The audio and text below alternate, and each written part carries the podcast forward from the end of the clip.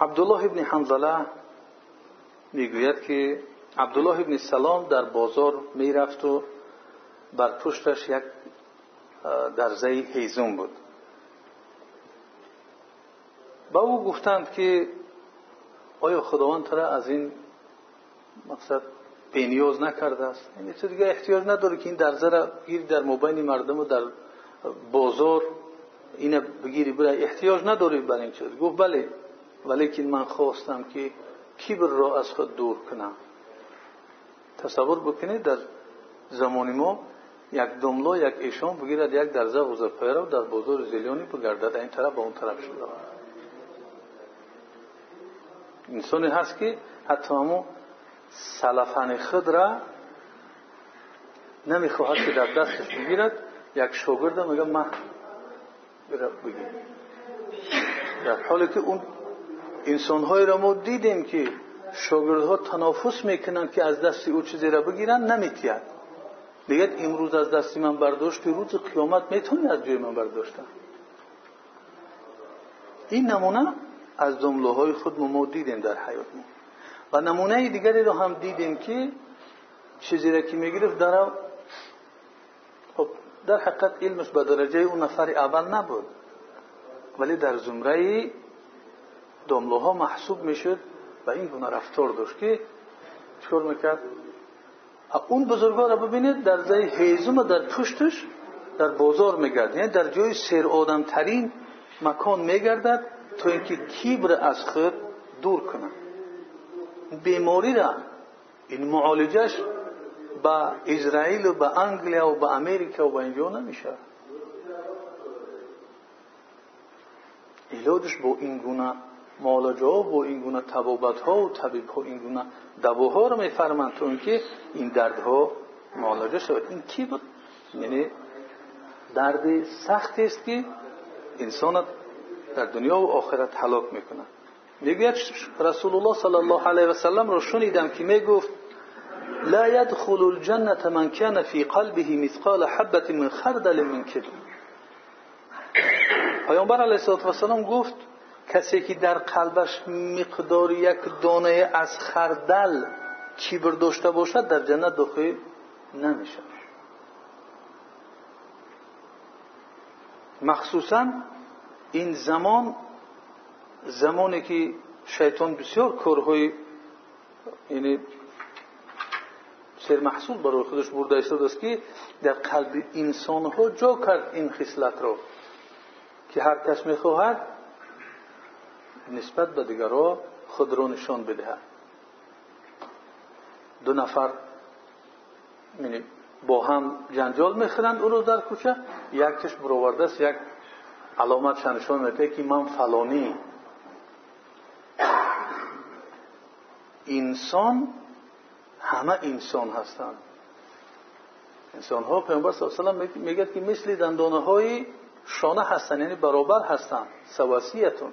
که اسنان المشق مثل دندانه های شانه به هم برابر هستند لیکن ببرو من از تو بزرگتر من اروپایی من فلانی من از فلان جو نه این چیز به انسانگری درست نمی‌گیرد انسان نجات نمیتید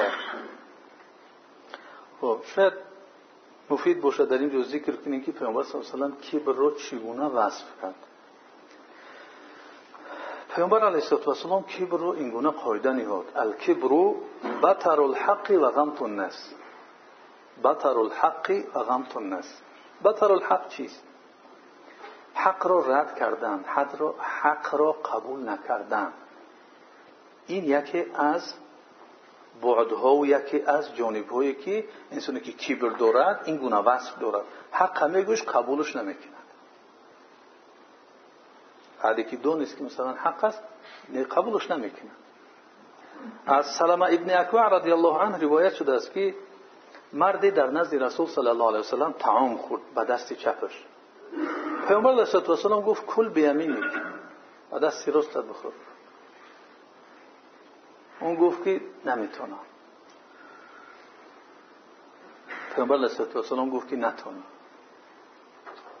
دیگر دستش به پیش دهنش برده نتونست. اون از کیبرا که من امر کرده استودای یا من گفته استودای در دلش چیزی بود و گفی پیامبر صلی الله علیه و سلم نگرفت. در حالی که وقتی به دستی چپ می‌خری شیطان قطید می‌خره این سنت این روش انسان مسلمان انسانی که پیامبر صلی الله علیه و را دوست میدارد بر دینی او هست این نیست که به دست چپش بخوره. مگر اینکه دست راستش یگان عذری داشته باشد. تنها به دست راستش می‌خوره. و متاسفانه در جامعه ما مخصوصا جامعه توجیک این چیز گاه رعایت نمی‌شود و در سطح دانشمندان. نمی‌دونم چی سبب است یا با اونها نرسیده است این مسئله چی؟ سبب است که گاه ها می‌بینی به دست چپ چای می نوشد به دست چپ تناول می‌کنه. چیزی رو که خب دیگر اون انسان نمیشه در مابین مردم یعنی گفت زیرا که ممکن که با سبب فتنه بشود. ولی باید ما با هر واسطه با نیت آنه که به مشکلی به فتنه انداختن این مسئله را حل بکنیم و در جامعه این مسئله ها رو برداریم. از این که یک مسئله های اختلافی قطعی مشغول شیم و سر خود و سر دیگران را گرن کنیم. این نشان بتیم که فرزند پدر مادر کسی که نشنید این گپ رو که به دست راست باید انسان به دست راست بخورد و این چنین مسئله کبر که این نفر به دست چپش خورد پیامبر صلی الله علیه و به دست راست خورد گفت نمی‌تونم یعنی میتونیست ولی نکرد. پیامبر علیه السلام گفت نتونی. خب دیگر این نتونیست که به دهنش بردارد این را تنها همون کیبر بود که من کرد برای گپی رسول صلی الله علیه و گرفتن. غم تو ناس است؟ تحقیر کردن اونها. یعنی پس شماریدن اونها. وقتی که انسان دیگرها را پست میشمارد در او عجب پیدا می‌شود. این یکی از زینه های کبر است. کبر اظهار همون کلانی است. این عجب اظهار نمی کند ولی خودشو برتر می‌دوند از دیگرها. این هم یک بیماری هست. این هم حلاکت کننده است برای انسان. از بزرگترین حلاکت کننده های انسان است. ابن عباس رضی الله عنه روایت می‌کنه که رضی الله عنه که پیامبر صلی الله علیه و گفت المهلكات ثلاث اعجاب المرء بنفسه و شح مطاع و هوا متبع. پیامبر علیه السلام این گونه بیان کردن در چیزهایی که انسان هلاک می‌کنند انسان ها امروز فکر می‌کنن که فلان ویروس و یکی بیمار شد و یکی در جوانیش گذشت و بعضی انسان ها را این چیز اهمیت میتید و سوال می‌کنن که آیا این از تقدیر باشد و آیا این چخیل می‌شود و خب یعنی این چیز رو عیب می‌دونن یا کمبودی می‌دونن. در حالی که در اون کمبودی نیست در اون اختیار انسان نیست. وقتی بیمار می‌شود وقتی یک مصیبت سرش میاد به اختیار خب اون دیگر تقدیر الهی هست. انسان زن خلق کردن مرد خلق کردن قد بلند و قد پس بیمارش کردن صحت نگه داشتن فربه و خلق اینو همه چیزهایی هستن که چی است به انسان علاقه ندارد. خب گرچنده که مسئله فربهی را این دیگر چیز است اگر انسان اهمیت بده ولی مسئله های دیگری که در انسان یعنی قدرت نیست که اونها را تغییر بتید نمی‌توند انسان خب جاهایی که اجازت دادن مرد و زن و دیگر و دیگر اونها خودشون جنسشون تغییر دادن نمی‌تونن به حقیقت.